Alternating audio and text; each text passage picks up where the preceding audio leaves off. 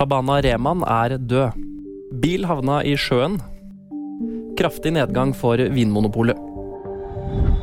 Komiker og samfunnsdebattant Shabana Rehman er død. Rehman fikk i januar 2022 beskjeden om at hun hadde kreft i bukspyttkjertelen og gikk bort torsdag morgen etter å ha vært innlagt på sykehus i åtte dager. Det deler hennes bror på Facebook. Rehman ble 46 år.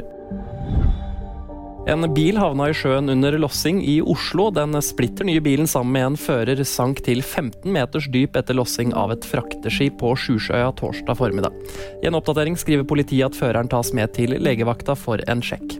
Og Kommunikasjonssjef i Møller-gruppen Øyvind Rognlien Skovli bekrefter til VG at det var en av deres biler som havna i fjorden. De siste dagene har det vært enorm bilimport før avgiftsøkninga i 2023. Vinmonopolet har solgt 21 millioner liter mindre enn i fjor, det melder NTB. Dette er en nedgang fra rekordåret i 2021, men salget er fortsatt høyere enn før pandemien. Nedgangen er kraftig innafor alle kategorier, bortsett fra alkoholfritt. Der har salget økt med 11% fra i fjor. VG-nyheter fikk du av meg, Benjamin Brekken.